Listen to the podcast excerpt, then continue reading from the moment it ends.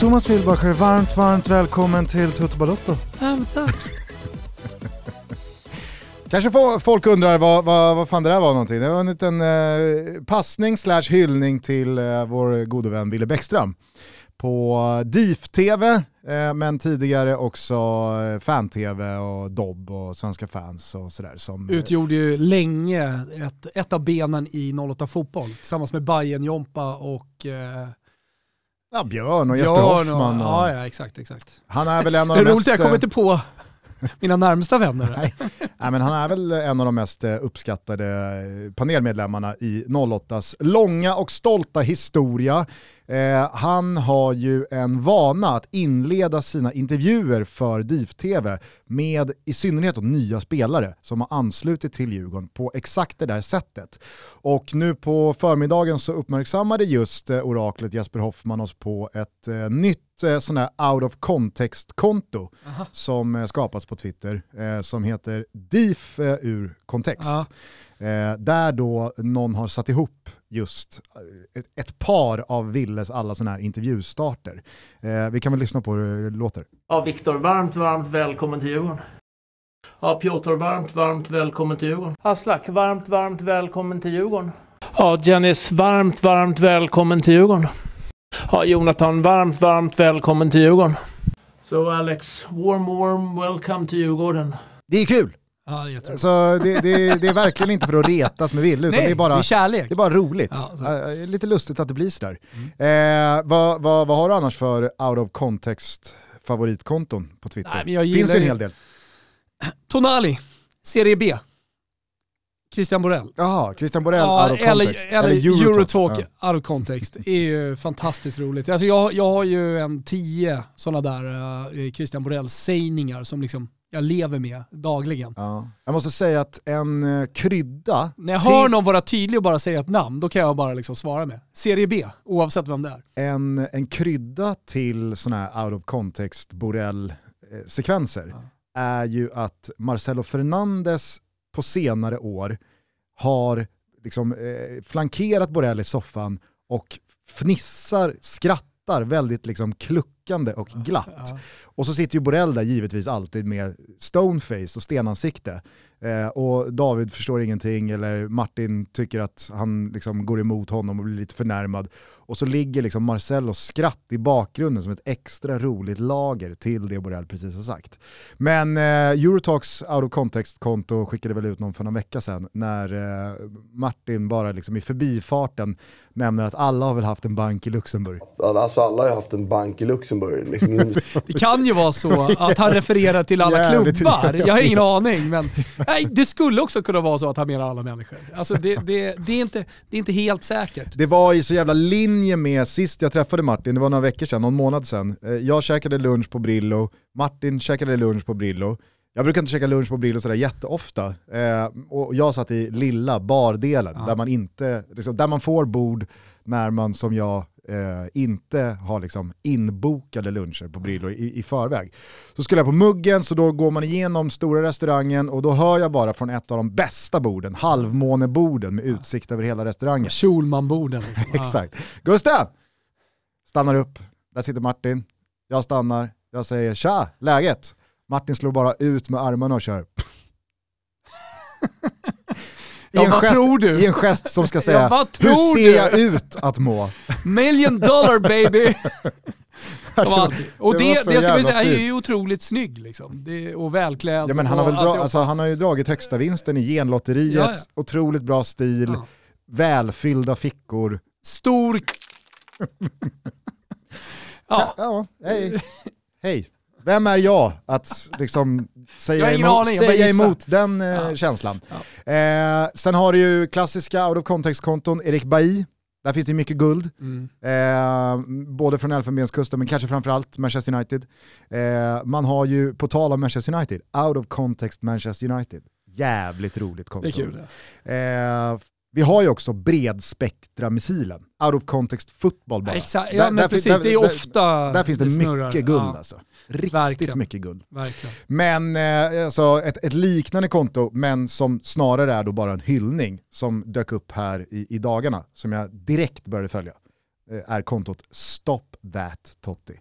Och så är det bara massa små 10 sekunder, 15 sekunder på bra grejer Totti gjorde på plan. Jag kommer ihåg, Otroligt följvärt konto. ja men han har ju spelat så länge och gjort, han gjorde ju den typen av grejer som passar i ett sånt konto under hela sin karriär. Mm. Även när han blev lite sämre, lite långsammare så var det ju liksom det som gjorde att han fortfarande levde kvar på den absoluta toppen. Men jag kommer ihåg det, och det var nog säkert fem år innan han slutade, när, Gazett, när man satt en gubbe på Gazettan och räknade oss tusen klackar. Så att rubrik, eller första sidan, ettan på Gazettan, dagen efter Roma hade spelat match var den tusen, tusende klacken. Och så började jag fundera på, hur fan vet de det? Ja, de har ju såklart satt någon på att se Tottis alla matcher i hela hans karriär och räkna hans klackar. Alternativt så var det väl bara så att någon eh, hade gjort det. Alltså någon Roma-supporter, det är väl inte helt otänkbart med 70 miljoner liksom, fotbollstokiga italienare. Att någon ja, sett, bara bestämt sig för att se alla, alla hans matcher. Kan och vi- mejlat Gazettan och sen, det är ingen som har faktakollat det. Nej, och på det spåret så tänkte jag fråga, kan vi verkligen utesluta att Gazettan inte bara har känt Fan har inte Totti varit igång jävligt länge med sina klackar? Ska vi kanske bara dra på att om tre klackar så når han tusen klackar i du Serie A? kan ge dig fan på att någon jävel i Italien går tillbaka och räknar alla de där klackarna. Så det, det, det, jag tar tillbaka det. Det var säkert eh, korrat höll jag på att säga, men korrtittat. Eh, kort bara innan vi kommer in på fotbollen som eh, spelats eh, i dagarna. Det har varit en svettig jävla mittwoch. Eh, jag har eh, suttit uppe länge på kvällarna här, måndag, tisdag, onsdag. Ögonen har gått fan i kors. Och sen Men- ändå då, klockan 23.00 när matcherna är slut, så har du varit kvar på Simor och sen så har du kollat till lilla kartoteket med bäckrullar, framförallt ja. 1-25, eller hur? Så är. Man avslutar alltid med, med en bäck. Igår, monstret. Klev in direkt efter Spurs-matchen. Otroligt. Ja, det, det, det, det är en stark, en stark 3 plus-rulle. Ja men det är det. Alltså Eh, i, på Beck-skalan. Exakt, exakt. Och på tal om Jämför det. man med alla filmer så är det klart att det- den är 5 plus. Mm, det är det. På Men tal om det, det kommer, det, kommer, 3 plus. det kommer, det kommer en, eh, en Beck-special med Anton Lelin här om nå- någon vecka va? Precis. Eh, vi har ringt in förstärkning och Mm. eh, sitter bara och gottar oss i Becksnack. Mm. En timme ungefär med är ju Anton. otroligt. Så att, missa inte det, alla ni Beckvurmare där ute. Jo, det jag skulle komma till var i alla fall, eh, innan vi kommer in på det sportsliga, på tal om TIC, alltså This is eh, Calcio, för att man ska förstå liksom, hur rörig den italienska fotbollen är. Och ibland så måste man bara ha ett TIA-uttryck att slänga sig med när det kommer till att försöka förstå hur den italienska fotbollen fungerar. Eh, ska du bara kort eh, återge vad det är som har hänt i Brescia med en av de eh, sista riktigt härligt eh, yviga presidenterna och eh, Pippo Inzaghi. Nej men absolut. Eh, jag hade faktiskt en artikel uppe precis innan vi satte igång sändningen här och såg bara att det, det, det stod stort Pace. det förstår väl alla vad det är. Det är fred i Brescia.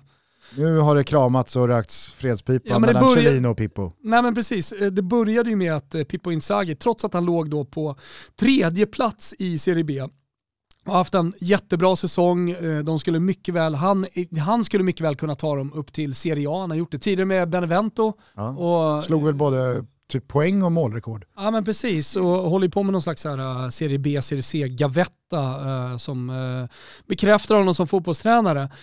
Men två poäng efter Lecce som, som leder på tredje plats. De, de har gjort det bra. Men Celino då som är presidenten, vet du vem det är eller? Alltså det är väl många lyssnare som främst kanske kommer ihåg honom som eh, Leeds. Men då för oss italofiler och calciorunkare så var han ju länge Cagliaris mycket, mycket yvige president. Ja, nej, Albin. Ekdal vittnade ju om att eh, vad som helst kunde hända när som helst. Ja, till exempel så gick han ju runt beväpnad, hade jagat iväg inbrottstjuvar i sitt garage med, eh, med sina pickadoller. Han spelade i någon rockband.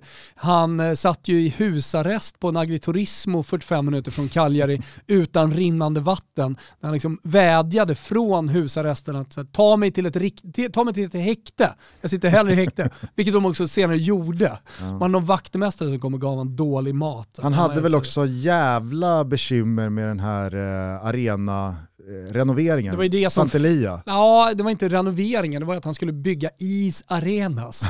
Men det var ju eh, på, på en mark där det häckade flamingos. Så han hade liksom överskridit varenda regel, gått över folk och hotat folk eh, på kommunen och sånt där. Men sen oväntat nog så tog han över Leeds parallellt med det här. mm. Och sen högst flux numera så är det bara Brescia va?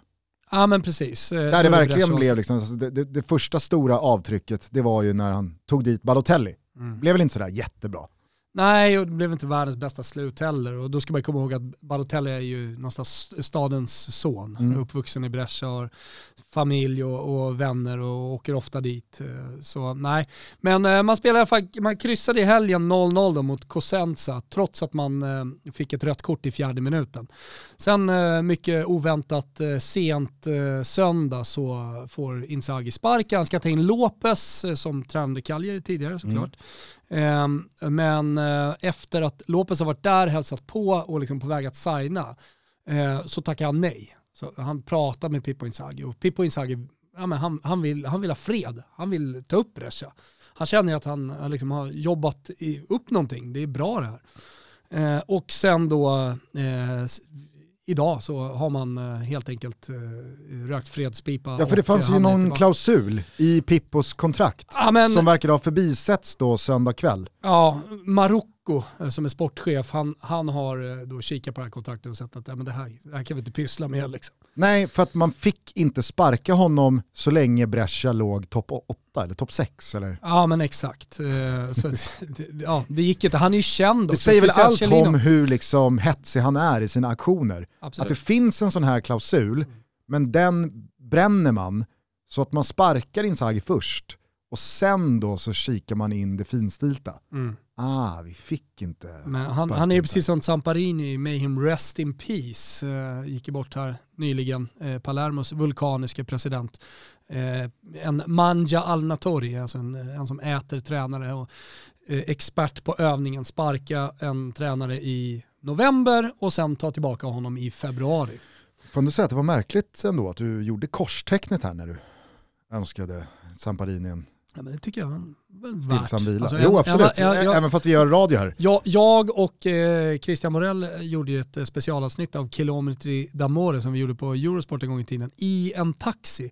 För att eh, Zamparini, Maurizio, han eh, fattade alla sina beslut, alla viktiga beslut när han åkte taxi, berättade han vid ett tillfälle. Eh, och då tänkte vi, ska vi göra en hyllning till honom så ska vi såklart göra det avsnittet i just en taxi. Jag fattar. Fattar. Det kan man väl gå tillbaka och hitta i något eh, Absolut. bibliotek. Lägg ut det på någonstans. sociala medier så skickar vi vidare till alla. Det var en riktigt skön sittning. Ja, men eh, det var i alla fall det röriga utanför fotbollsplanerna från Italien. Ska vi bara kort säga någonting om det som händer på dem. Helvete vad bra fotbollsstaden Milano mår och helvete vad risigt fotbollsstaden Rom mår. För det som eh, ändå initialt den här säsongen tycktes kunna bli ganska så småtrevliga säsonger för både Lazio och Roma ser ju mer och mer ut som någon typ av bara liksom pyspunka som kommer sluta med max en sjätteplats för den bästa av huvudstadsklubbarna och kanske en sjunde, åttonde plats för den andra. Roma har vi ju pratat ganska mycket om senaste tiden med José Mourinho, eh, men också förlusterna som eh, dykt upp här mot slutet. Nu åker man ut eh, koppan mot Inter i kvartsfinalen. Lazio, där var det ju stormigt för någon vecka sedan när eh, Mauricio Sarri ställde någon slags ultimatum gentemot eh, president Lotito att antingen så lämnar jag eller så lämnar sportchef Iglitare. Eh, man måste väl också kunna konstatera så här två tredjedelar in i säsongen att Lazio under Sarri verkligen inte blev något lyft.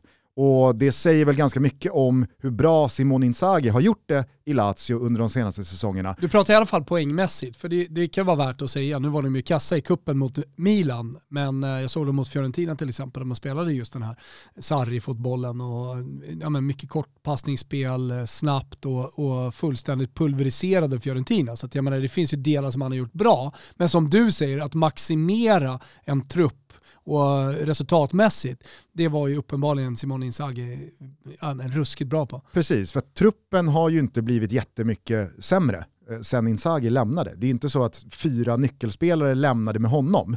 Eh, och jag kan hålla med dig om att i stunder, i matcher, så har ju Lazio under Sarri imponerat. Men det känns snarare som punktinsatser i en relativt svag säsong, snarare än att säsongen är jättebra och det finns små dippar tror jag här och man, där. man, man skulle kunna ta in allting med Lazio, att eh, man hade kunnat gjort större skiften i truppen, anpassat det mer till Sarris typ att spela.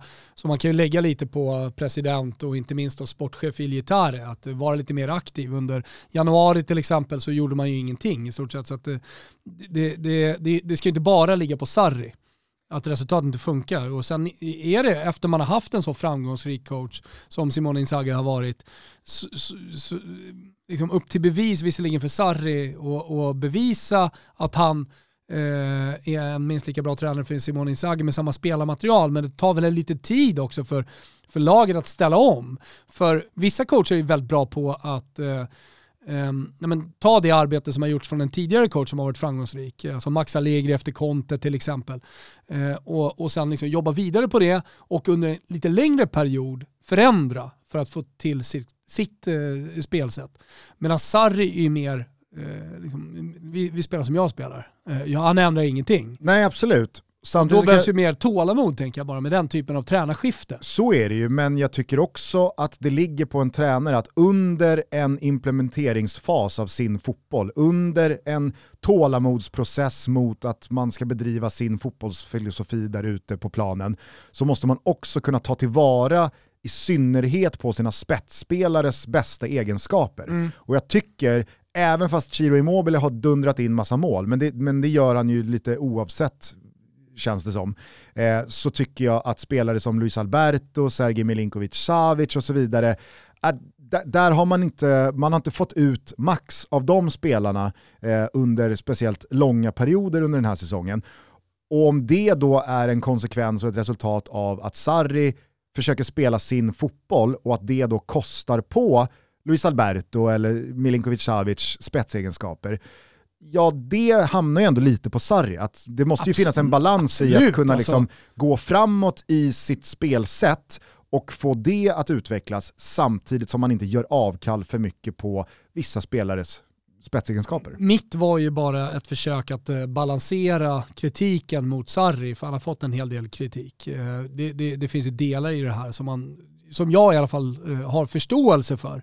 Men som du säger, han eh, ska ju inte liksom lämna eh, det här halvåret i Lazio utan kritik. Nej, men sen är det väl också så med Mourinho och Sarri att det är ju två väldigt kompromisslösa ja. fotbollstränare. Det är my way or the highway. Alltså, mm.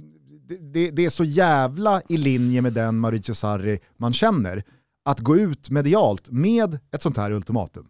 Ska det vara på det här viset, då, då lämnar jag. Eller så får du skicka den här sportchefen, för att det här kommer inte funka. Ja, och Mourinho, jag vet inte om du eh, nåddes av eh, hans uttalanden här efter eh, uttåget i koppan mot, mot Inter? Jo, absolut. Eh, alltså det var ju mycket med hela den matchen eftersom det var hans återkomst till San Siro mot Inter. Publiken tog emot honom väldigt vackert. Och det, det Lite kratsvibbar.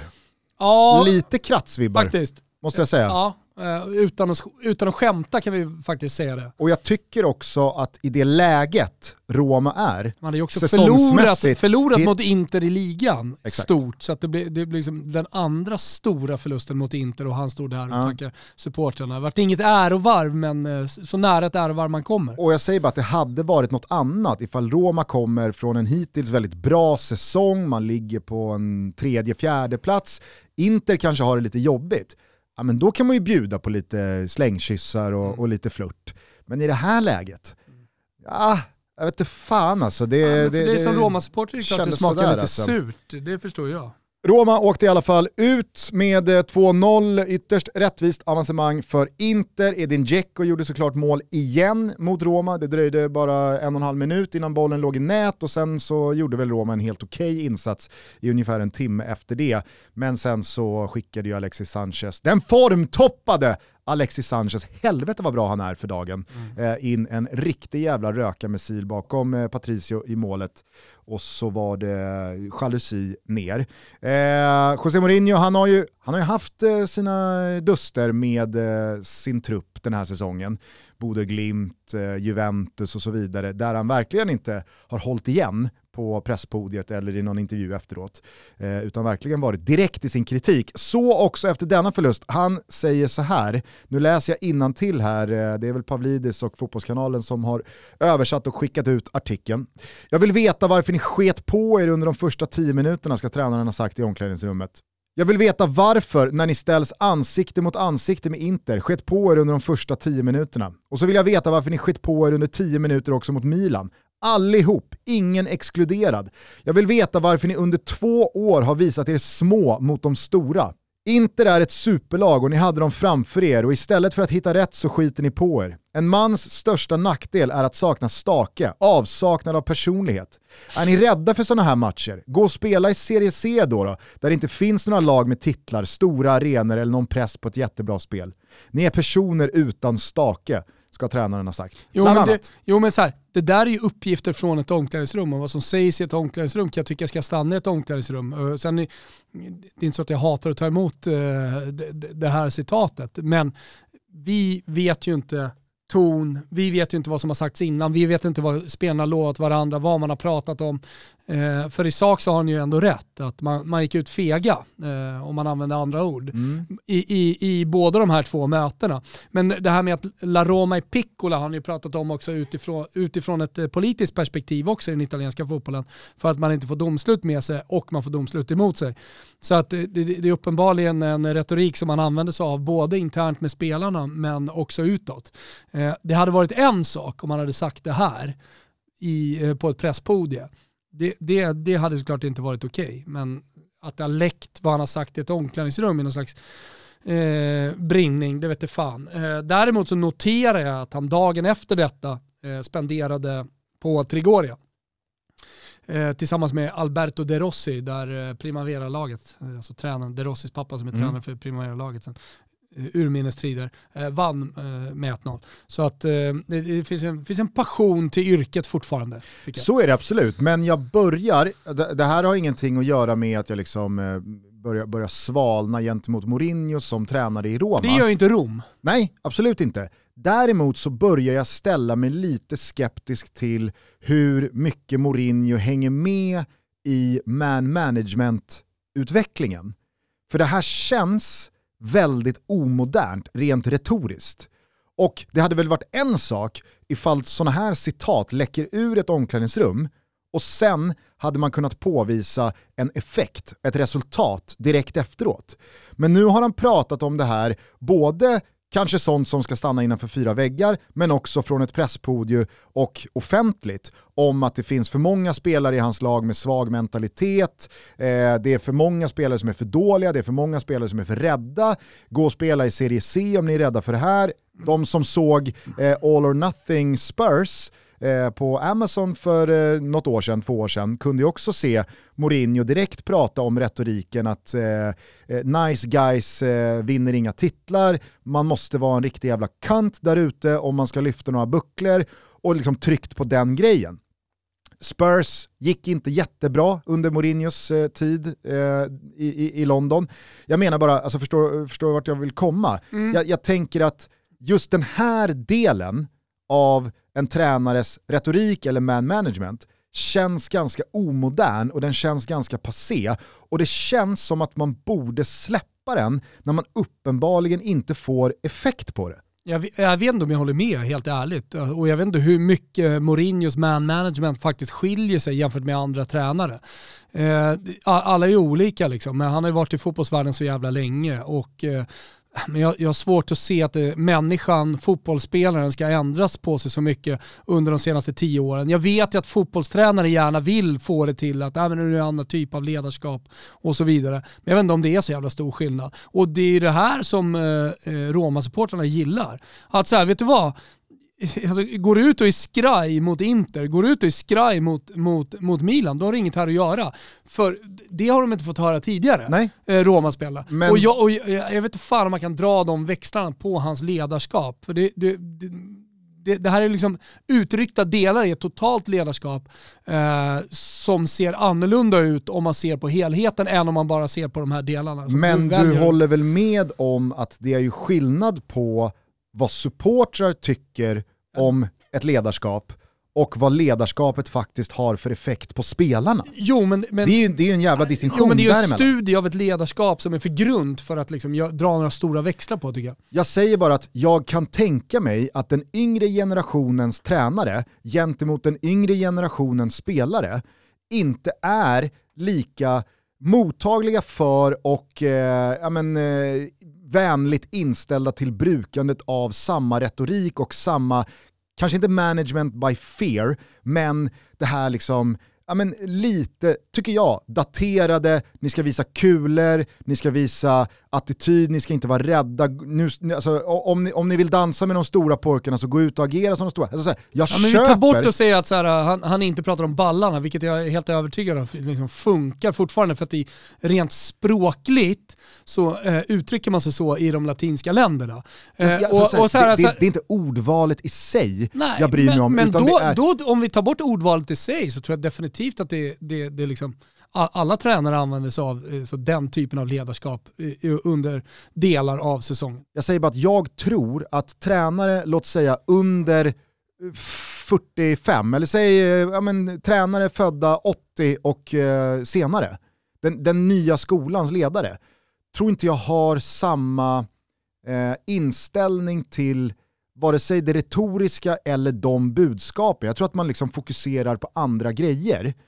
Jag har, jag har så jävla svårt att se Nagelsmann eller... Eh, Det har fan inte jag alltså. Jag kan se han brinna på tyska om eh, både ballar och, och kants. Jag tänker också att 20-åriga, 23-åriga spelare idag, man, det har inte samma effekt på dem som José Mourinhos stil Det, och jag vet retorik. inte om det stämmer. Jag, alltså, jag skriver bara inte jag, under tror att på det var, jag tror att det var match made in heaven på spelare som John Terry, Frank Lampard, det Chelsea, Zlatan pratar om Mourinho, att man kan att gå ut och döda för Mourinhos honom. ledarskap eller hans fotboll, eller han som tränare, daterad. Absolut, det skriver jag under på. Men jag är inte säker på att det är just den här delen som, som, som är daterad, utan det handlar nog om någon slags helhet. Kanske. Ja, det, det var bara en tanke som slog mig när jag återigen nåddes av liksom, det här sättet att angripa en dålig Roma-insats från José Mourinho och när det sker för fjärde, femte, sjätte gången under en och samma säsong så måste man väl också kunna säga, men vad har det då för effekt på laget? Jo men du tar ju ut någonting från omklädningsrummet, det är för grund för att liksom, uh, ha egentligen en åsikt om vad som händer alltså med hans ledarskap. Nu nämner du ju Spurs, dokumentären och andra delar, absolut. Då, då, då, då har du ju lite mer på benen. Men, men att han ska ha sagt att de var fega i ett omklädningsrum, det är i första tio minuterna. Det, det, det ser jag, liksom, jag ser inte, jag ser, inget, jag ser inget problem med det. Att han använder sig ord som, eh, eh, som att ni inte har någon stake, det, det är ju språkbruk som funkar i, i den latinska världen. Oavsett om du är 10 bast eller om du är 70 bast. Absolut, men... Det är bara du- så man uttrycker sig. Ja, Absolut, men du håller väl med om att när någonting sker lite ur samma liksom, folla för femte gången under en och samma säsong, så, så börjar man väl också tänka att ska inte det här få någon effekt någon gång? Ska det inte bli någon skillnad? Som sagt, så här, totala ledarskap, Mourinho som tränare, det må vara daterat, men det är inte, det är inte att han säger till sina spelare att de är fega eh, och det läcker till pressen. Jag, jag, det, det, det är inte problemet. Vi är som alltid sponsrade av våra goda, goda vänner. Även om det är eh, Sverige, Finland, hockeytider och så vidare så ah, det är en fusion av både svenskt och finskt skulle jag vilja kalla K-Rauta, inte minst med oss. Men det är läge att förverkliga sina byggdrömmar. Någon gång i livet ska man göra det ju. Och det är ju väldigt lätt att drömma. Det tror jag många liksom skriver under på. Men det här med att förverkliga, ja, ofta är det en ganska stor tröskel för folk att gå hela vägen in i kaklet med sitt byggprojekt. Jag tror också att det är många som lyssnar på det här som har påbörjat någonting men som sen inte har slutfört det. Ja, men ta lite inspiration, gå in på K-Rautas Instagram, gå in på krauta.se, kika in i en butik, hitta lite inspiration. Ta 2022 och gör klart ditt byggprojekt. Ett sånt exempel kan vara att man målar klart den där väggen som man inte riktigt eh, har hunnit. Man spikar fast de där listerna runt golvet i hallen eller varför inte lägga det där golvet i just hallen. Ja, vad vet jag. Hos Coreouta så hittar man hur som helst allt man behöver för att slutföra sina drömbyggprojekt. Både inomhus, men glöm inte heller bort även utomhus. Passa på om ni renoverar hemma lyssna på Toto samtidigt. Kan vara ett tips. Ah, vad vet jag. Bli också medlem i K-Rautas kundklubb så får man ta del av väldigt fina erbjudanden. Vi ser Kitos K-Rauta! Toto Valuto är sponsrade av Elgiganten. Ni känner ju till att det är den marknadsledande återförsäljaren av hemelektronik i Sverige och vi förstår precis varför. De är ju proffs på Elgiganten. Just nu är vi dessutom inne i en av årets absolut hetaste idrottsmånader. Det är mästerskapsfebruari med allt vad det innebär och då vill såklart Elgiganten hjälpa till att maxa våra tv-upplevelser. Och just nu är det kanondeals på både tv-apparater och soundbars. Allt för att man ska kunna komma så nära liveupplevelsen man bara kan utan att fysiskt vara på plats i skidspåren eller på läktarna runt om i fotbollseuropa. Ja, men det är det det handlar om. Det handlar om det här lilla extra ljudet. Att verkligen tänka till. Vad har man för rum? Hur kan man fylla det här rummet med fantastiskt ljud? Och sen då såklart sätta ögonen på tv-apparaten och få den här kristallklara bilden så det blir en helhetsupplevelse när ni följer all denna fantastiska sport under februari. Ja, men jag är i alla fall väldigt kräsen när det gäller kvaliteten. Alltså ta bara bildkvaliteten. Jag vill se varenda snorbubbla. Jag vill se varenda snöflinga som fastnar i skägget. Jag vill ha en soundbar som gör att trycket från de återigen fullsatta läktarna dånar i vardagsrummet. Jag vill känna att jag är på plats. Ja, Elgiganten, de hjälper dig att hitta precis den utrustning som du behöver. Så gå in på elgiganten.se, surfa runt lite, känn och kläm lite digitalt så att säga. Eller gå in i en av alla deras butiker runt om i landet och så får du hjälp av deras kunniga proffs på de olika områdena. Toto Balotto tar Elgiganten i handen och dundrar in i denna maxade idrottsmånad som är februari. Jävla nedåtvecka i alla fall var det i den eviga staden, betydligt mer uppåt i Milano då, där både Inter och Milan avancerar till Coppa Italia semifinal. Där blir det ett Derby della Madonnina. Ikväll avgörs de andra två kvartsfinalerna. Det är Atalanta mot Fiorentina och så är det Juventus mot Sassuolo. Eh, Atalanta kan eventuellt vara på väg in i en rejäl svacka här känner jag. Den där Cagliari-förlusten kom liksom på ett ologiskt, väldigt logiskt Atalanta-vis. Mm. Men att Josip Ilicic har kastat in handduken här för resten av säsongen, eh, det tycker jag är rejält illavarslande eftersom man har haft de här psykiska problemen ganska länge nu. Mm. Och återigen då väljer att liksom avsluta en säsong i förtid, eh, trots att Atalanta mår väldigt bra sportsligt Men, och slåss på flera fronter. Han fick ju eh, ganska mycket skit Gasperini från förra matchen eftersom han spelade med en eh, fortfarande uppenbarligen skadad Zapata och som ja. förvärrade sin skada och som nu blir borta under en längre tid. Exakt, och så på det har man släppt Gåsens till Inter. Så att, eh... Framförallt Piccoli till eh, Genoa. Han var ju då det tredje alternativet som forward och med Zapata skadad så har han bara Moriel tillgänglig och vi som kan vår Moriel vet att han spelar inte varje match fram till sommaren. Ja, inte 90 minuter i alla fall. Nej, och nu är det koppa och sen är det match nu i helgen igen. Och så det, det, det är ett upplägg som inte och passar... Europa League. Och... Ja, Europa League. Det är ett upplägg som inte passar eh, Moriel överhuvudtaget. Så nu, nu, nu riktas lite kritik mot eh, framförallt eh, Gasperini. Mm. Kanske Fiorentina kan få fart på säsongen igen post Vlahovic då med ett semifinalavancemang. Och så vad har vi då att se fram emot? Jo, vi har en Coppa-semifinal då mellan Vlahovic och Fiorentina. Det gnuggar man ju händerna åt som utomstående. Ja, det är Coppa Italia som betyder någonting för Fiorentina också, som riskerar att missa Europa i år igen. Nu är man med i striden, men ändå. Det kommer bli tufft, det är många bra lag där uppe. Och eh, då är ju Coppa Italia vägen in. Eh, Real Betis knäppte Rayo Vallecano på näsan i den första Copa del Rey-semifinalen. Hemma-starka Rayo Vallecano hade ju knappt förlorat en enda match på typ en evighet eh, hemma. Pratar inte mycket Rayo Vallecano normalt sett i Toto Balotto? Nej men eh, vi har ju nämnt deras eh, väldigt fina säsong ett eh, par gånger i svepen, Absolut. konstaterat att de är ruskigt hemmastarka och då att Radamel Falcao är tillbaka i La Liga. Och det som är det roliga. Spelar ju inte varje minut ska sägas men eh, har gjort som det bra. lite grann. Med nummer tre på ryggen, mm. älskvärt. Mm. Eh, nej men det var väl ungefär det som har hänt eh, i, i, i, Spanien. Eh, Athletic Club tog väl en tung seger i, i måndags också. Ja precis, och så är det ju Copa del Rey ikväll mellan Athletic Bilbao mot Valencia. Exakt, där det sannoliken har skett under veckan i, i stort parti, det är ju på de brittiska öarna i England. Kort bara en liten uppdatering i Championship. Derby med en ny tung seger.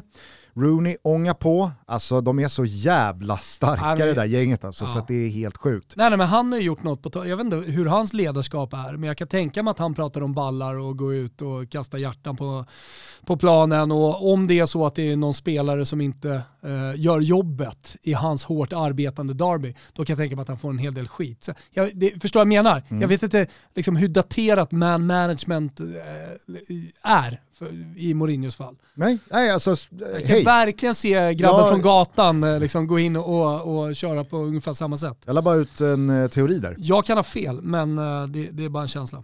Eh, och sen så noterar vi återigen då förlust för Poyas Bagis eh, Barnsley. Vad är det, elfte? Jag har inte sifferraden i huvudet. Det, men, ja, men det var ju rekord. Jag, jag twittrade om det här för några veckor sedan och eh, konstaterade att nu, nu börjar det ju faktiskt eh, lukta lite eh, T-korsning nej, det här. Nej men det är åtta och, poäng upp till Reading. Ja, men och, och sen dess har det varit idel förluster. Mm. Eh, han har ännu inte en seger, han har tre kryss, han har åkt ur FA-cupen. Eh, så att, nej, det, det, det börjar eh, se rejält jävla risigt ut. Han för, vann ju över Barrow, typ straffar. Ja men det var ju när FA-cup-matchen. Ja, annars har han inga segrar. Då ledde man ju med två bollar mot ett eh, League 2-lag mm, mm. som hade en man mindre. Mm. Men eh, behövde ändå förlängningen på, på sig för att avancera, åkte ur här förra helgen eh, och så nu då ytterligare två raka torsk i ligaspelet. Så vi får väl se hur länge Poyas Bagi håller sig kvar som barnslig tränare.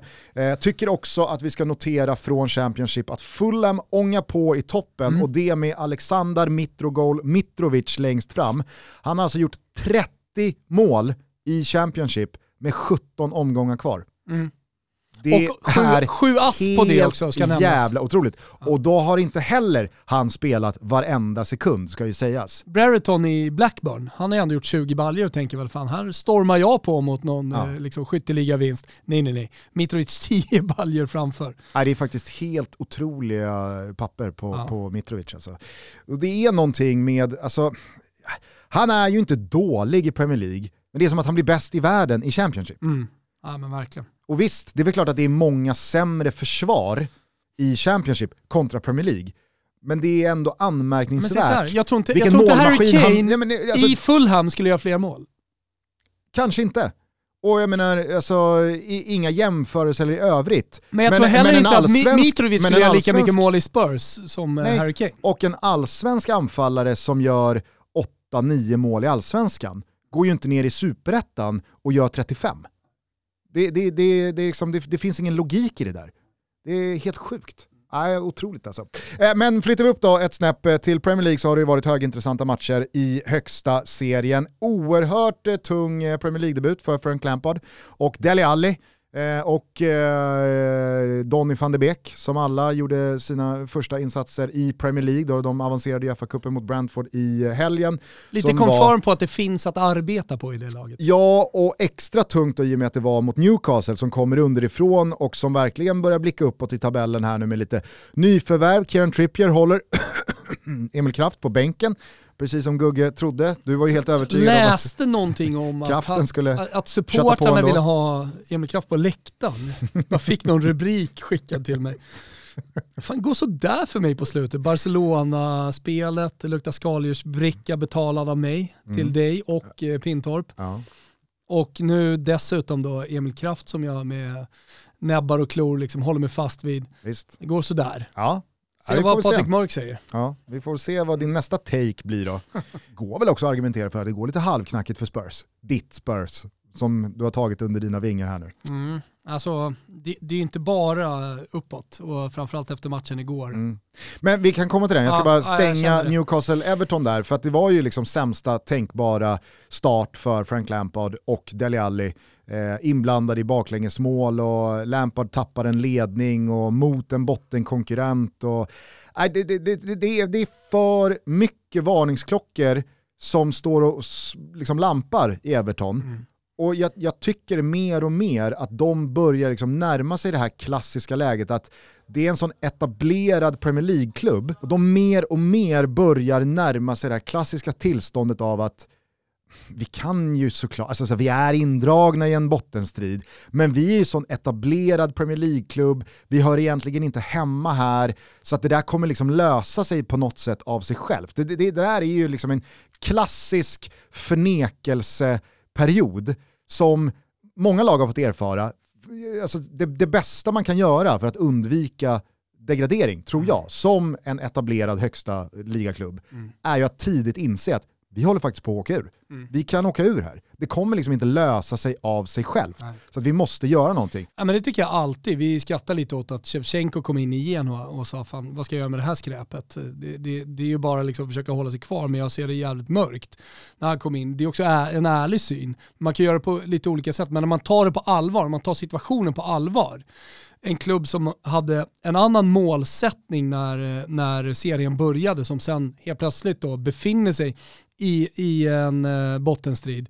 Där tror jag att det absolut bästa är att inse eh, det, det, nej men det, det prekära i det sportsliga läget och att kanske börja prata om det även utåt. Exakt. Så att, man, så att alla för, förändrar sin bild lite grann av, eh, av laget. Mm. Eh, jag tror man har jävligt mycket att vinna på det i alla fall. Sen kanske man inte behöver göra precis som eh, Shevchenko. Nej. Varit där i två timmar och kört en träning och sågar precis allt och alla.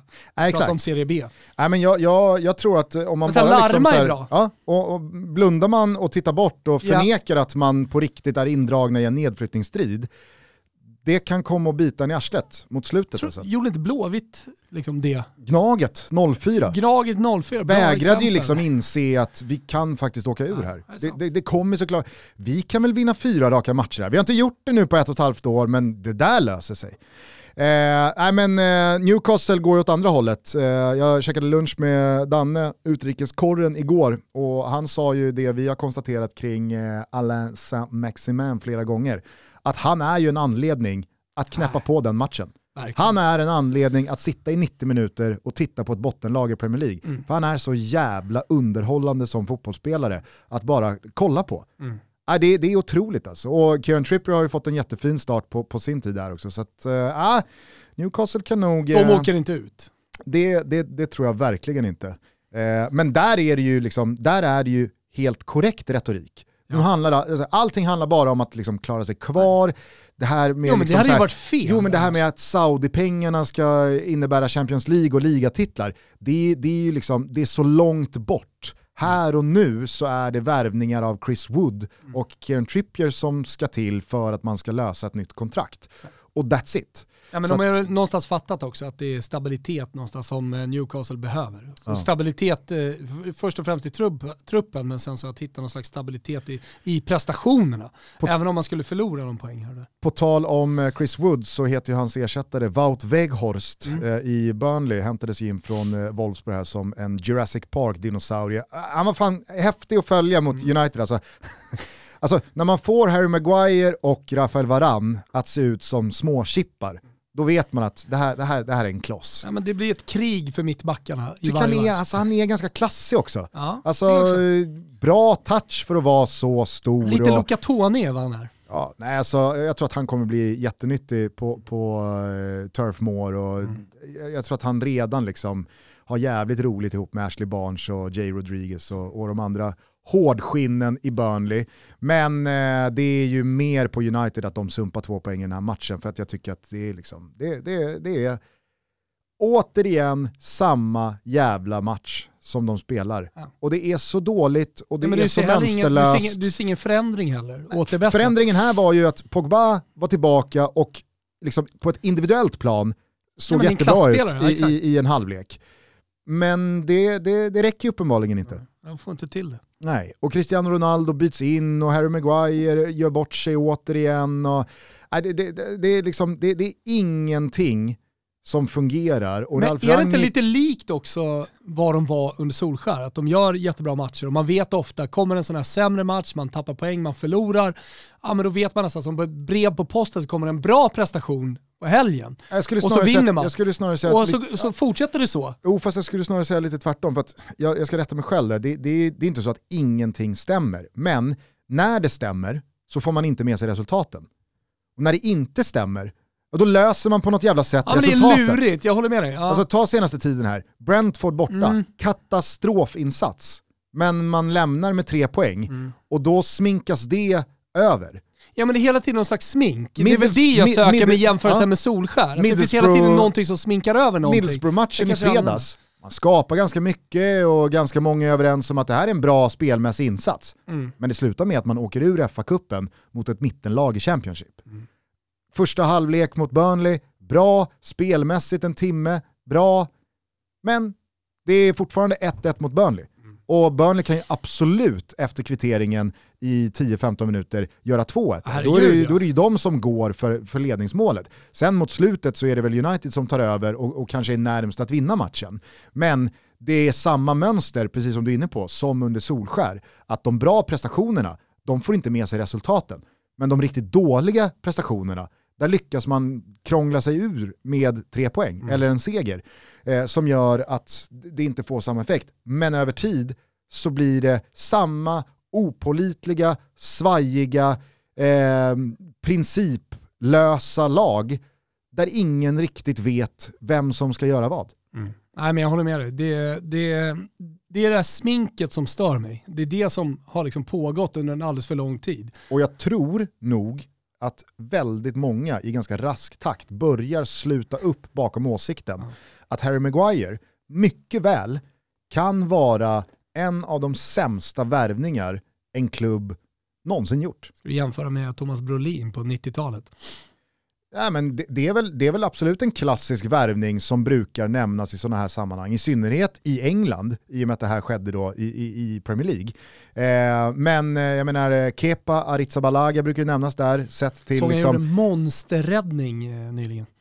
Var det mot Al Hilal eller? Exakt. Ja, eh, Han spelar ju klubblags-VM, det har vi EM inte pratat om. Nej, alltså, som det har flugit under radarn. Jo men det gör väl det, alltså det är OS-tider och Ja, och det och det, och det brukar alltid ligga i december. Alltså, nej, VM för klubblag brukar ju vara i december. Ja. Så det, det är någonting som är off. Han brukar i alla fall nämnas i en modern kontext här vad gäller sämst värvningar någonsin i och med att han blev världens dyraste målvakt. Och när han väl har spelat eh, så har det inte gått Glad bra. att det ser bra ut i alla fall. Eh, vad har vi mer? Andy Carroll eh, var väl en riktig jävla floppvärvning eh, från eh, Newcastle till Liverpool. Galna jävla hattricket han gjorde här nyligen, alla blev bortdömda. Det, ja, fan, helt otroligt faktiskt. Ja, men det, det, det, Kanske finns ett av säkert, de snyggaste målen jag sett. Topp 10 gör han. det finns säkert många eh, som kan fylla på med andra förslag, men helt ärligt, Kommer ju alltid sådana listor också. Ja, men helt ärligt så tycker jag nog att Harry Maguire, han, han går ju som en jävla raket Jo på då, den där listan. då ska också... och han ser då, ut, han ser ut att veta ska- det själv, jag vet att jag har varit inne på det förut, men han, man ser i honom. hans ögon Ja. att han, han vet själv hur jävla dåligt det går just nu. Ja. Men, men alla individuella prestationer, nu eh, tycker jag definitivt inte att eh, Harry Maguire är eh, liksom spelaren som vi på något sätt ska nämna här, utan det är väl snarare då eh, bättre fotbollsspelare i Manchester United som inte får det att funka eh, på grund av att de spelar eh, för en sminkad gris. Mm. För det är väl det som är Manchester United nu. Så är det väl. De är grisen som är sminkad. Och även fast jag inte vill vara för hård mot Rafael Varan, men jag har ju alltid drivit tesen att mitt, det finns mittbackar som är ledare och så finns det mittbackar som håller ledaren i handen. Och är ledaren bara bra på att hålla den andra mittbacken i handen så kan den andra mittbacken Nej, men vara det- en otroligt bra mittback. Och just kring Rafael Varan så har jag alltid känt att när inte han har en pålitlig nummer ett Ramos. ledarmittback bredvid sig att hålla i handen, då svajar han alltså. Men Sen- sen så- finns det inte någonting går- som stör en i att Real Madrid släppte honom alldeles för lätt också? Fast Så vet, jo, men vet man inte, alltså, Så- är, inte det här en analys som Real Madrid kan ha gjort också? Nej, men det är det Utan. Ramos, Ja, men- vad ska vi med varann till? Då behöver vi inte vi Det är varandra. det jag säger. Alltså, det, det, det- det var ju uppseendeväckande ändå att Manchester United värvade varann. Var han ändå inte en mittback som eh, var liksom på toppen av sin karriär, bra ålder, kommande fem årens liksom stora ledare i mittförsvaret, som bara liksom släpptes. Det kändes konstigt. Ja. Eller, framförallt så kändes det i hela magen att ja, men det här kommer inte bli så bra i Manchester United, för Real Madrid har sett någonting. Exakt, och framförallt så känns det inte bra i magen att dissa en mittback som har, vadå, fyra Champions League-bucklor, eh, par ligatitlar i, i Spanien, VM-guld. Alltså det är så här, hej, jag säger inte att Rafael Varan är en bluff, men det blir så jävla tydligt med Varan bredvid Harry Maguire kontra Rafael Varan bredvid Sergio Ramos. Det här gick ju att se lite när Ramos var out väldigt mycket och Varan spelade med Militao. Som också är av lite, han behöver någon, kolla hur bra Militao är bredvid Alaba. Exakt. När Alaba är liksom jag, jag har det här, det är lugnt. Du ska bara Lyssna bara på mig. titta på mig, lyssna på mig, följ mig, gör som jag gör, så kommer det här bli jättebra. Men Maguire är ju också en, vem ska jag hålla i handen, mittback. Så när de ska försöka hålla varandra i handen, det blir så rörigt och så liksom, eh, de, de, nej, det, det, det, ske, det skevar satan här alltså. Nej, det, det, det, det, är inte bra. Det är inte, inte bra. Eh, det är det ju inte heller i Spurs, som du var inne på. Nej. Vad var det för jävla match igår? Ja, Vilket rallarslagsmål. Ja, det var otroligt. Det var otroligt. Och, alltså, nu kollar jag på Spurs med andra ögon eftersom Kulusevski är där. Nu vill jag ju någonting gott till Spurs. Jag vill ha in Kulusevski, jag vill att det ska gå bra för honom. Alltså, man har ju hållit på sådär sedan 90-talet. Att eh, liksom, kolla på lag och önska svenskarna eh, lycka. Varför får jag Och- magkänslan av att du aldrig kände så kring Ljungberg i Arsenal? Ja, du har ju fan helt rätt. Jag vet att... Du alltså, hoppades aldrig på nej, Fredrik nej, Ljungberg i Arsenal? Nej, landade, han landade aldrig hos mig. Nej, ja. Fan sorry Ljungan alltså, men nej, det, jag var lite team Zlatan i de där grupperingarna i landslaget, även om, även om eh, han var tidigare i Arsenal och jag, jag dissade honom lite där. Men, eh, nej, men det stämmer, alltså, Henrik Larsson tvärtom då, en sån spelare som jag velat gått hela tiden. Och, och eh, äggat upp mig över eh, när han har spelat i Barcelona och när jag kom till Manchester United sent och när jag gjorde comeback i landslaget och, och sådär. Men nej, Ljungan var aldrig riktigt min gubbe, sorry alla mina Halmstad-polare som jag vet lyssnar på det här. Men eh, Kulusevskis eh, insats, eller insats är väl kanske fel ord, inhopp då, Ja. igår. Det blir ju väldigt olyckligt. Alltså att hoppa in, Han, det är inte hans fel. nej, här. jag säger bara att det är ju väldigt olyckligt att som ny i en klubb med ögonen på sig komma in i ledning 2-1, lämna planen 20 minuter senare eller en kvart senare och ha förlorat hemma mot Southampton. minus, den typen av minusstatistik är ju värre i hockeyn. Alltså säg, fotbollen så- för en anfallsspelare lägger jag inte så mycket vikt i, men det är klart, det är trist att gå in och torska. jag tror ändå att ganska många supportrar och ganska många journalister går därifrån och tänker, jaha, vad hände sista kvarten? Ja. Och så Nej, men ligger de- det i de alla fall, det de hamnar ju på på, ett minuskonto. Kanske inte en minusstatistik som är lika etablerad i fotboll som i hockey, men du fattar vad jag menar. Nej men kollar man på prestationen, väl snarare den i så fall. Va- Vad blev annorlunda när Kulusevski kom in? För när du sätter in en fräsch anfallare i slutet av matchen, då, då vill du ha en förändring. Du vill att det ska hända någonting. Men det gjorde det inte. Nej, och jag tycker faktiskt Snarare att det. det. han gjorde var inte så bra. Han tappade ett par bollar, han slog bort ett par passningar. Alltså det, Han är ju inte i form. Liksom. Han behöver ju spela fotbollsmatcher, han behöver ju komma in i Spurs, han behöver ju Contes eh, coachning, han behöver lära sig Premier League. Mm. Och där tror jag man behöver lite mer tålamod. eh, För ja, bara, bara sett till det inhoppet igår och det lilla han har gjort i Spurs så här långt eh, så, så, så har man ju förstått att det här är ingen klar spelare som går in och gör skillnad för Spurs nu, utan på sikt. Men med det sagt är jag inte säker på att Spurs-supportrar har det tålamodet borta i England. Nej det tror inte jag heller. I synnerhet inte om resultaten fortsätter så här. Nej men vadå, Lukas Moura ska väl starta? Ja, han har, alltså, hans insatser går ju inte att klaga på Nej, senaste tiden exakt. och han har ju fått ett lyft under Conte också. Eh, nu slutar det här med förlust och det tycker jag verkligen inte Southampton ska be om ursäkt för. De gör ju en otrolig jävla Ja. första halvlek. Sen så är ju Spurs bättre eh, i, i inledningen av den andra halvleken och visst, det går väl att argumentera för att Southampton ska ha frispark i upprinnelsen till det som leder till 2-1. Alltså det var lite Giroud i eh, Milano-derbyt läge eh, kring det. Men målet står och sen så står ju Spurs för en kollaps eh, lika delar som att Southampton står för en jävla moralisk vändning. Och här tror jag att liksom, man inte ska underskatta Ralf Hassenhüttels ledarskap. Han börjar ju prata om att han liksom ser slutet på sin tränarkarriär och då är inte, han pushar inte 70 direkt.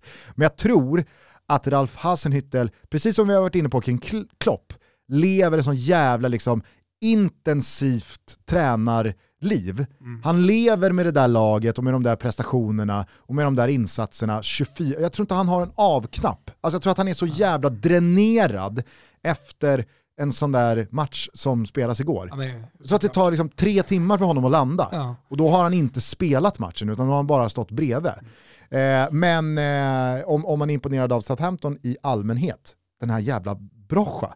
Mm. Vad är det för gubbe? Ja, ja, från ingenstans. Inte sett en frame av honom i Chelsea, utlånad till Vitesse och nu är han på lån då i Soton för att växa till sig i Premier League. Helvete vad eh, självklar han ser ja. ut. Ja, men just självklar, det är det, det, han är och därför börjar man säga, var, var har han varit? Varför har inte han kommit upp tidigare? Varför har inte fler klubbar kollat på honom? Kanske de har, jag har ingen aning. Men han är i alla fall, äh, men det ska bli rolig att följa. Man såg ju också hans Balkan-furbo, för det är han som får smällen mm. eh, av eh, Emerson tror jag, i det som leder Exakt. fram till 2-1 målet. Och då ligger han ju kvar, då är läkarna inne, då är han liksom, kolla så att allt är bra med huvudet. För att han ligger ju och väntar på att, men VAR kliver väl in? Mm. Någon gång kliver väl VAR in? Mm. Men så fort liksom, eh, domaren har påkallat att nej men det här målet kommer stå, då viftar han ju bara bort de här jävla eh, medicinväskorna ja, och, och, och, handskarna. Ut, ja, då, är det, då är det en kvart kvar då. Då är det bara att ånga på. Sen så gör ju inte han någon av målen eh, fram till eh, kvittering och vändning. Men att han har det där bara liksom, ja, äh, drog en, tog en smäll, mm. drog en rövare, gick inte hem, ångar vi på igen. Ja. Nej, där tror jag att uh, Chelsea verkligen har uh, en, en, en guldklimp. Alltså. Hur gammal är han? 01 Ja, ja men det, 20 det kan bli riktigt bra. Riktigt 21. bra. Mm. Ja, jag uh, gillar honom som fan alltså. Hörrni, vi är sponsrade av Flowlife, ni vet de som har marknadens bästa massagepistoler och vunnit ett flertal bäst i tester va. Det som är så jävla bra med Flowlife, det är att produkterna, de är liksom gjorda för att vara tillräckligt bra för en elitidrottare som vill ta sig till OS, men också tillräckligt enkla för gemene man att använda. Och jag gillar att de tänker att produkterna ska finnas där för att stötta alla individers återhämtning och förenkla självterapin, inte bara proffsen. Liksom. Under hela OS-perioden har Flowlife erbjudanden på samtliga massagepistoler. Och jag slår gärna ett slag för Flogan Pro 2.0. Den har vunnit bäst i test eh, och den är helt otrolig. Det finns också en smidig, kanske lite resevariant som jag tänker, Flogan Pocket. Just nu tjänar man dessutom upp till 1000 spänn när man köper sin massagepistol. Men inte nog med det, med rabattkoden OSTOTO10, OSTOTO10 alltså, får man 10% extra rabatt på hela sitt köp. Och erbjudandet gäller fram till den 14 februari. Så OS Toto 10 är det som gäller. Så passa på att shoppa nu och tänk också på att eh, hos Flowlife så har man alltid 100 dagars nöjd kundgaranti. Så man kan med andra ord testa sin produkt i 100 dagar innan man bestämmer sig. Det är helt otroligt och då är man också ganska trygg i kvaliteten när man skapar den här typen av produkter. Vi säger stort tack till eh, Flowlife för att ni är med och möjliggör Toto Balotto. Eh, vad såg du mer igår? Såg du Aston Villa, Leeds? Ja, Coutinho show, satt, satt, Jacob ja. Ramsey show. Fan vad nöjd jag är att vi hann lyfta Jacob Ramsey ja. innan han började liksom göra sådana här ja, de, mål och de insatser. De små segrarna Gusten, de, de, de små poddsegrarna tar man med sig ganska starkt i livet. Kanske finns någon balans där, du har svalnat. Gugga har börjat hitta har, mer rätt i, i spaningarna. Ja det har inte hänt på sex år så det är tur att det, att det, att det kan bli ett skifte där också. Nej men eh, absolut som du säger, Coutinho var, var rätt det blir och att klass alltid Eh, är kvar eh, och man kan aldrig räkna bort spelare, det gör mig också väldigt glad. Och sen så att Coutinho kommer in i Premier League som man känner sedan tidigare och levererar direkt, det kanske inte är jätteförvånande, men att ändå den motivationen och så att den klassen ändå finns i, i Coutinho, det gör mig jävligt glad. Eh, att vi då har fått tillbaka Coutinho i spel, och att vi snart också får Atomyran i spel. Sebastian Giovinco tillbaka i, i, i Sampdoria och tillbaka framförallt i den italienska ligan efter 100 år. Men, men alltså, man, vill ju ha de här, man vill ju se de här spelarna varje vecka. Det är så jävla jobbigt när de försvinner eh, och går till ligor som man inte följer och som är för krångliga. Att det Ja, ja, inte ja. bara är liksom sappa över till en match, kika 25 minuter ibland. Det, det, det tycker jag är smärtsamt. Vissa karriärer som har tagit slut och så tänker man tillbaka, fan de sista fem åren, man vet att han gjorde bra där, bort, bra där borta, men jag såg det inte. Det, det tycker jag är tråkigt. Eh, noterar också att eh, KDB fortsätter gå starkt. Ja, men du såg, jag skrev det. Alltså, ja, men vi, exakt, och, och vi var ju På på, det, på vi var ju på det redan i, i, i årsskiftet där, att Mm. det, det våras nog fan för en stark eh, KDB-vår här. Mm. Kanske kan han till slut täppa till trutarna på de som menar på att han alltid viker ner sig när det ska Ja, men avgöras. framförallt så kan jag ju komma med i min eh, eh, Toto Ballon-lista i mars. Ja, jag noterar att eh, ditt eh, nya pris eh, fick fäste på Twitter. Jättekul. Hashtag eh, Totoballon sa Ja, jag, men du exakt. kanske kör Totoballon. Nej, kör vad du vill. Totoballon. Jag gillar ju när, Totoballon. när det får liv och folk säger olika saker. Men, eh, nej, men det har fått lite fäste. Vet du vad som också har fått fäste? Nej. Det är en del som har liksom sagt det, i synnerhet på Fyranhuset när vi jobbar med Real, det är ju Vibene. Alltså är det så? Vibene. Jag visste att det var Vibene som skulle sitta. Ja, det är underbart. Eh, nej men eh, det var ju roligt med eh, smågrupper som diskuterade och att eh, mars eh, redan är hett stoff på Twitter. Du eh, kritade ner eh, några spelare här som du håller lite extra koll på resten av februari igår. Ja, nej, men exakt. Eh, Man, man ska ju komma ihåg att det är ingen månadslista, utan det Coutinho är och ju, Leao det är ju hela tiden samlat eh, eh, liksom, året fram till datumet jag tar ut min månadslista. Så att det, det är inte de som har varit bra i mars som kommer ut, utan det, det är sett till januari, februari, mars. Då, då. Mm. Men eh, Leao definitivt. Eh, Jag tänkte dock på det när jag såg att du twittrade om att Leao är bäst i Serie A. Eh, att jag tänkte, har Thomas liksom medvetet placerat Leao ovanför Vlahovic här nu? Eh, eller har han eh, kanske inte liksom tänkt hela vägen ut Nej, och inte- agerar i stunden? Ja, men jag agerade lite i stunden, det ska sägas. Jag såg matchen. Ja, men jag är så jävla imponerad av honom. Han- Han har, han har en estetik när han spelar fotboll som jag är väldigt dragen till. Han flyter fram och det är mycket surfbrädor som skickas ut som emojis på, på, eh, på Twitter när, när Leao spelar. Och, och, ja, men han flyter fram på ett sånt jävla skönt sätt. Och plus att han har börjat göra skillnad med sina dragningar och med sina avslut och med sina inspel. Alltså förut så var det en slutprodukt som inte riktigt fram, fanns där. Den måste fortfarande bli bättre, men den har blivit betydligt bättre under den tiden han spelat i, i Milan. Den blir bättre hela tiden också. Och han börjar göra mål i de stora matcherna, han börjar avgöra liksom, ja, men, matcher som står och väger så är det han som blir den stora matchvinnaren. Och eh, eh, ja, men jag håller koll på honom eh, fram till eh, ballonlistan i, i, i mars. Men mycket riktigt då, som du säger, att eh, det kanske var lite för hastat. Mm. Jag tycker också att du eh, sätter en liten eh, notis bredvid Brochas Mm. förehavanden här under februari månad. Ska ju till lite mer om man ska upp på topp 5-listan. Toto-ballon eh, mars här då. I mars, absolut. Jo men de har ju ändå United borta här nu Mm. eh, i, i helgen. Mm. Och det, det, det, det kan bli liksom the big break. Jag säga att Vibene håller vi koll på. Ja. ja, det blir så jävla spännande i början av nästa vecka. Tisdag PSG Real Madrid. Vissa eh, spanska tidningar menar ju på att Real eh, kommer med full slagstyrka, att eh, Benzema ska tillbaks, eh, Vinicius tillbaka. Ja. Alltså det är eh, Ferdinand Mondi tillbaka. Så blir, blir det bästa lag, då blir det så. Alltså, det blir väl oavsett en jävla match det där. Ja, det Eh, det vi, ska, vi ska fortsätta prata upp eh, Champions League-comebacken tillsammans med Bengt Sonnert. Det avsnittet ska vi spela in alldeles strax. Ni kommer höra det imorgon, fredag. Mm. Eh, då tar vi tag i de fyra första åttondelsfinalerna, alltså de som spelas nästa vecka. Sen så kommer Vicky Blomé hit nästa vecka och pratar upp de fyra andra åttondelsfinalerna. Det blir mycket speltips och speltankar med spelproffset nummer ett, Bengt Sonnert. Eh, så att, eh, var med oss imorgon då när vi kör en liten CL-special. På tal om Brocha och eh, United borta så är just den matchen vald eh, som ett av benen i helgens Toto-trippel borta hos Betsson. Ni vet att ni hittar den under godbitar, boostade odds, det tjatar vi om. Över 2,5 mål och det är liksom sett till hur de här lagen har spelat, eh, kanske framförallt Soton. Man vet med vilken inställning hon kommer gå in i den här matchen samtidigt som Manchester United bara måste vinna i precis alla lägen. Så att, ja men det det är upplagt för att det ska bli chansrikt. Över 2,5 mål i den. Eh, och vi har också över 2,5 mål i Newcastle mot Aston Villa. Två lag som vill vinna väldigt gärna, två lag som det faktiskt och det kan man säga om eh, Newcastle nu, med sin ensam cirkus där uppe på topp, att det sprudlar om dem. Och det gör det verkligen om Aston Villa också, så att det blir chansrikt här, det tror vi verkligen på. Över 2,5 mål. Och sen så har vi också rak seger för Barcelona, som verkligen har ångat igång. Och när man kollar på oddset här när de möter Espanyol i Katalonien-derbyt, så, så ligger de på 1,70. Och det är alldeles för högt för att det här är ett Barcelona som, eh, okej, okay, de är inte helt tillbaka, men de ser väldigt, väldigt bra ut. Så att vi passar på innan oddsättarna har liksom förstått att Barcelona är så bra på att eh, hugga Barca rak här. Över 2,5 mål i Manchester United, Southampton, Newcastle, Aston Villa, samma där, över 2,5 mål.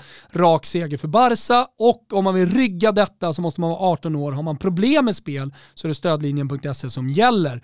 Eh, vi säger stort tack till Betsson för att ni boostar upp de här oddsen. Och så understryker vi med eh, ett stort fett jävla tuschstreck att eh, Fotbollssöndag Europa ramar in Barcelona-derbyt, Espanyol, Barca, söndag kväll, avspark ja, 21.00. Nej men eh, det blir såklart väldigt mycket fortsatt fokus på det nya Barca, nyförvärven, spelarna som ska tillbaka från skada, Nej men att man blickar uppåt i tabellen och eh, kikar lite på... Kika sikte på någon speciell spelare kanske? Jag tror att det kommer bli lite Adama Traoré. Ja, ja, men det kan jag tänka mig. Det är mm. Leo, vet du, Premier League-vurmaren Leo. Här, när, när du ropar Pedri, Gavi, då säger Leo Traoré. Parallellt med den här matchen så följer vi också super superfighten från Serie A och Bergamo, nämligen Atalanta mot Juventus. Det är ju en riktigt smaskig holmgång det också, även fast Atalanta är lite stukade då för dagen. Vi får väl se hur de mår efter kuppkvarten mot eh, Fio ikväll, precis som vi får göra med Juventus eh, efter deras kvart mot Sassuolo, men där förutsätter jag att den gamla damen bara eh, ångar på och kör över grönsvart som jag tycker faktiskt har varit en rejäl besvikelse eh, hittills eh, detta korta unga 2022. Mm. Trots jävla fina spelare framåt. De, de ser inte ut att må speciellt bra för dagen.